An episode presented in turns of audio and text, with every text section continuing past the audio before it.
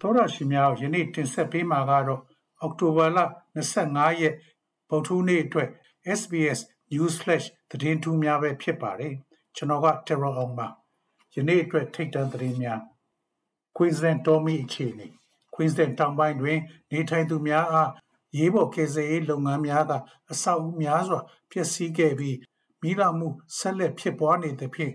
၎င်းတို့ကိုချက်ချင်းထွက်ခွာရန်သတိပေးထားပါတယ်။ ဒါရာနှင့်ကူဂင်ဒေသတို့တွင် နေထိုင်သူများကိုချိန်ချောက်နေသောဒေါ်မီကိုထိန်းချုပ်ရန်ရေပုံးကျဲလေရင်ဖြင့်မိသက်အဖွဲ့ဝင်40ကျော်ကလှုပ်ဆောင်ရရှိပါတယ်။ကြီးကြပ်ရေးမှု Waynewood Blue ကတဝန်ဘအနောက်ဘက်ရှိမိသည်ထိမ့်မနိုင်သိမ့်မရဖြစ်ပြီးပျက်စီးဆုံးရှုံးမှုများပိုများလာမယ်လို့ ABC News ကိုပြောဆိုပါတယ်။အခြေအနေတွေကတကယ်ကိုဆိုးပါတယ်။ မနေ့ကတော်တော်ဆိုးခဲ့ပေမဲ့ဒီနေ့နဲ့ကျန်တဲ့အပတ်တွေမှာပိုဆိုးသွားပါလိမ့်မယ်။ထို့ကြောင့်မြန်မာသောအပူချိန်ဆိုထိုင်းဆနေသော လောင်စာအားလုံးကိုခြောက်သွေ့သွားတာမြင်နိုင်ပါတယ်။မိလာမှုဖြစ်စဉ်ယခုအချိန်မှာတော်တော်ကိုအပြောင်းလဲမြန်နေပါတယ်။ဩစတြေးလျစီးပွားရေး ကုန်စည်နှင့်ဝန်ဆောင်မှုများအတွက်ဈေးနှုန်းများသည်ယခင်ကဲ့သို့လျင်မြန်စွာကြီးထွားလာခြင်းမရှိတော့သောလဲသုံးလတစ်ကြိမ်ငွေကြေးဖောင်းပွားမှုကိန်းဂဏန်းများတွင်မလိုလားအပ်သောအံပွေရာများသည်တခြားသောအတိုးနှုန်းများမြင့်တက်လာနိုင်တဲ့အခွင့်အလမ်းများကိုတိုးမြင့်လာစေနိုင်ပါသည်စက်တင်ဘာလ3လပတ်စာ သုံးသူဈေးနှုန်းညွန်ကိန်းကို အောက်တိုဘာလ25ရက်ဗုဒ္ဓနေ့တွင် ထုတ်ပြန်ရန်စီစဉ်ထားပြီးဩစတြေးလျဗဟိုဘဏ် RBA ရဲ့နိုဝင်ဘာလချိန်ညာချက်မတိုင်မီအတိုးနှုန်းဗဟေထိရဲ့အဓိကအစိတ်ပိုင်းဖြစ်စီးပွားရေးပညာရှင်များမှ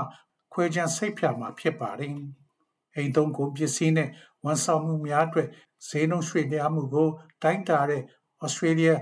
စီးရင်အင်ဘျူရိုရဲ့စားသုံးသူ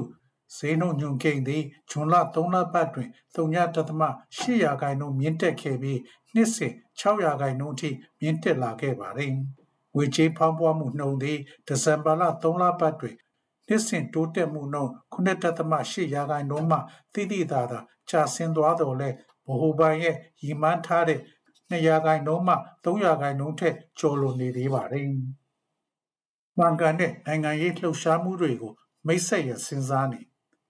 နိုင်ငံရေးကြောညာများတွင် တောင်းဆိုချက်များသည်မှန်ကန်ကြောင်းသေချာစေရန်ဖက်ဒရယ်အစိုးရသည်ဥပဒေပြဋ္ဌာန်းရန်စဉ်းစားနေပါသည်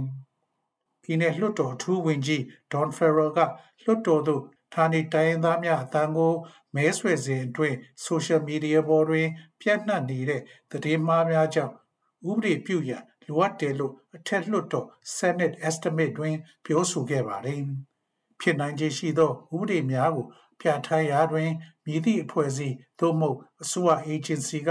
အသင့်တော်ဆုံးဖြစ်မည်ကိုမသိကြောင်း Mr. Farrell ကပြောဆိုပါတယ်။ဒါပေမဲ့ဒီထဲမှာ Australia ရွေးကောက်ပွဲကော်မရှင်ကိုပယ်ချလိုက်ပါတယ်။ဝန်ကြီးကလွတ်လပ်စွာပြောဆိုခွင့်ကိုကန့်သတ်ခြင်းနဲ့ပတ်သက်၍စိုးရိမ်မှုများကိုအသိမှတ်ပြုပြီးဥပဒေများသည့်ခက်ခဲပေမဲ့အရေးကြီးတယ်လို့ဆိုပါတယ်။ သင်ရဲ့အမြင်နဲ့မတူတဲ့အမြင်တစ်ခုကိုဖော်ပြဖို့လူတွေရဲ့အခွင့်အရေးတွေကြားချိန်ခွင်ရှားတစ်ခုရှိရမယ်။သင်ပြင်းပြင်းထန်ထန်သဘောမတူနိုင်တော့လဲအဖြစ်မှန်နဲ့အဖြစ်မှန်ရဲ့မျှတမှုတချို့ကိုရရှိနိုင်ရမယ်။ဩစတြေးလျကအရှေ့လေပိုင်းသို့နောက်ထပ်လေယာဉ်များဆေလွှတ်မည်။အစ္စရေးနဲ့ဂါဇာကမ်းမြောင်ဒေသတွင်အချမ်းဖက်မှုများပုံမပြင်းထန်လာသောကြောင့်ဩစတြေးလျကာကွယ်ရေးတပ်ဖွဲ့မှဝန်ထမ်းများနဲ့နောက်ထပ် RWF လေယာဉ်နှစင်းကိုအရှေ့လေပိုင်းတွင်